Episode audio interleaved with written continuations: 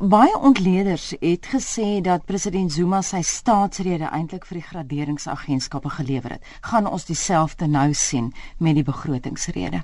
Ek dink tot 'n mate so Anita. Ek dink die die president het tot het vir ons al klaar ge, gewys dat ehm um, ons waarskynlik redelike besuinigingsmaatreëls in hierdie begroting gaan sien en soos jy reg sê dit is in reaksie op ehm um, van die stellings wat die graderingsagentskappe gemaak het, maar ek dink mense moet miskien breër as net die die graderingsagentskap kyk. Dit dit is bloot die realiteit waarmee Suid-Afrika sit. Ons staatsskuld het skerp gestyg die laaste paar jare, so ons uh, is nou in 'n posisie waar ons moet begin terugsny. En ek sien ook dat uh, Konrad Royce het gesê ons kan nie meer foute bekostig nie. Hy is die hoof van Standard & Poor in Afrika. Geen foute nie. Dis reg. Kom ons kyk na die foute wat ons moet vermy, maar voordat ons daarby uitkom, kan jy vir ons net die makro-ekonomiese konteks skep? Ja, so ek dink dit is baie belangrik. Ehm um, natuurlik enige begroting word opgestel met 'n verskeidenheid van beperkings en een van daai beperkings is die mate waartoe die ekonomie presteer en veral waartoe ons ekonomie groei of die tempo waartoe die ekonomie groei. Nou ons weet ekonomiese groei het het skerp verlangsaam die laaste tyd in die laaste paar jare en die verwagtinge en dis nou waar die belangrike ding kom die verwagtinge vir hierdie jaar is dramaties afgeskaal sedert Oktober toe die regering die laaste keer vir ons 'n idee gegee het van die stand van van staatsfinansies.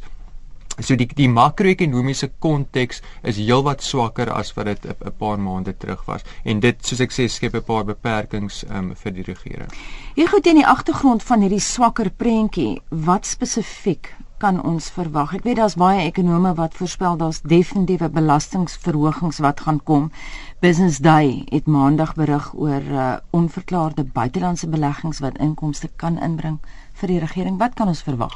Ja. So as mens dan nou die die swakker ekonomiese groei um, om dit net eenvoudig te stel, dit beteken dat die staat se inkomste on, onder druk is. As die ekonomie nie presteer nie, um, kon maatskappy winste um, onder druk, so daar's minder maatskappy belasting vir die regering, verbruikers bestee minder, so BTW inkomste byvoorbeeld kom kon onder druk. So die punt is die regering sit nou met 'n gat in in in hulle inkomste En as gevolg daarvan um, is die verwagting dat dat ons belastingverhogings gaan sien in in in hierdie begroting.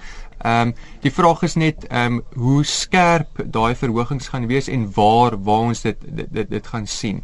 Nou dit gaan waarskynlik oor oor 'n redelike wye front kom. Ehm um, waarskynlik gaan persoonlike belasting ehm um, gaan, gaan ons meer betaal so verbruikers daar buite gaan gaan gaan meer betaal. Die sogenaamde sondebelasting ehm um, op tabak en en drank gaan definitief ehm um, styg. Ehm um, verlede jaar het ons 'n groot stygings in die brandstofheffing gesien. Nou, die feit dat die olieprys nou nog laer is as as verlede jaar gee waarskynlik weer vir die regering ruimte om om om om daar eh, 'n uh, bietjie te vat. Maar dan dink ek is die groot ehm um, onsekerheid waarop ons almal wag is of die BTW koers ehm um, uh, verhoog gaan word. So ons sit nou met 'n BTW koers van 14% ehm um, sedert ehm um, sjoe nou het ek vergeet, maar sedert 1994 ehm um, basies Ehm um, so daai koers is amper soos 'n taboe vir vir, vir 'n baie lang tyd.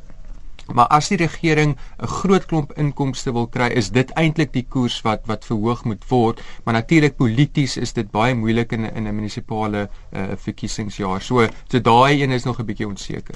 Goed, dis nou alles goed en wel om te spekuleer, maar dit is belangrik om te weet op watter ekonomiese groeikoers Pravin Gordhan se begroting gaan baseer. Ja, so ons ons het nou reeds bietjie daaroor gepraat. So in Oktober verlede jaar was was die um, regering se verwagting vir hierdie jaar nog 1.7%.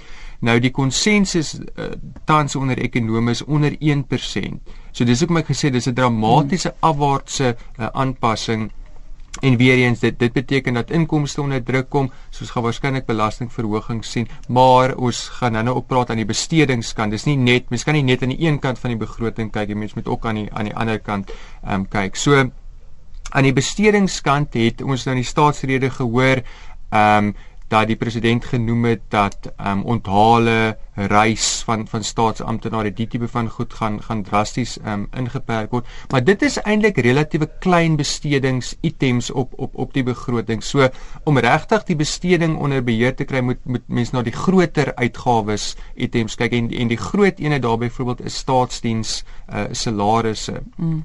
Salarisrekening. Ehm um, nou dit is 'n bietjie moeilik want daar's klaar 'n 3 jaar ooreenkoms gesluit. So ons weet staatsdiensamptenare gaan gaan VPI inflasie verwante verhogings kry, eintlik meer as dit. Ehm um, so wat die staat waarskynlik gaan doen is om te sê hulle het eintlik al reeds gedoen dat ons vries ehm um, poste in in in die staat en ons gaan nie meer mense ehm um, in diens neem nie en wat hulle waarskynlik gaan moet doen is om om poste te begin sny om daai salarisrekening on on on on onder beheer uh, te kry. Wat ek ook dink ons gaan sien is ongelukkig dat aan die infrastruktuur bestedingkant van die nasionale regering dat daai um, besteding skerp ingesny gaan word om plek te maak vir besteding of verhoogde besteding op um, hoër onderwys byvoorbeeld uh, droogte hulp um, gaan ons waarskynlik sien. So daar gaan 'n herallokasie van besteding moet moet plaasvind. Ja, dit is ook 'n verkiesingsjaar. Dis reg. So so ek het nou nog niks gesê oor die sosiale toelaas en en die sogenaamde sosiale besteding nie.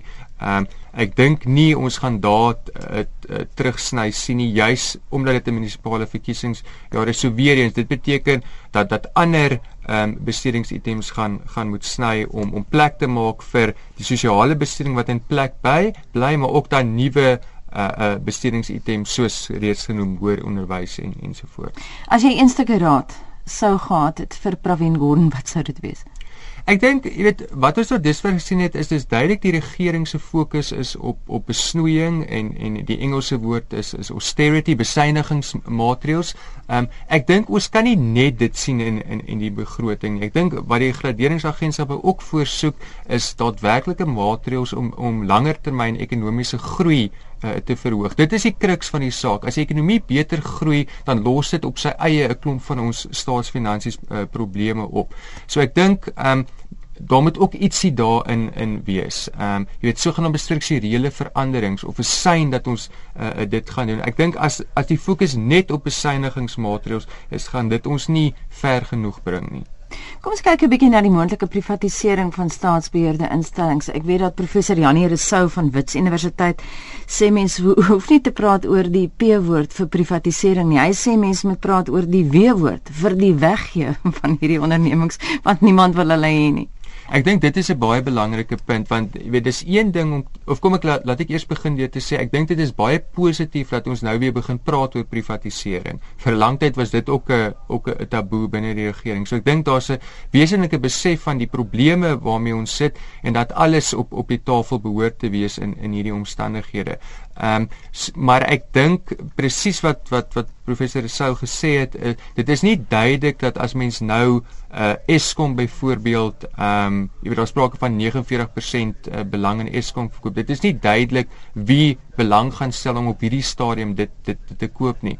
Maar die idee wat ek in elk geval van die regering kry is dat hulle nie noodwendig praat van bestaande ondernemings op hierdie stadium afverkoop. Dit is eerder 'n idee van dat nuwe um, ventures ehm um, dat daar 'n sogenaamde openbare samewerking tussen die private sektor en die staat is.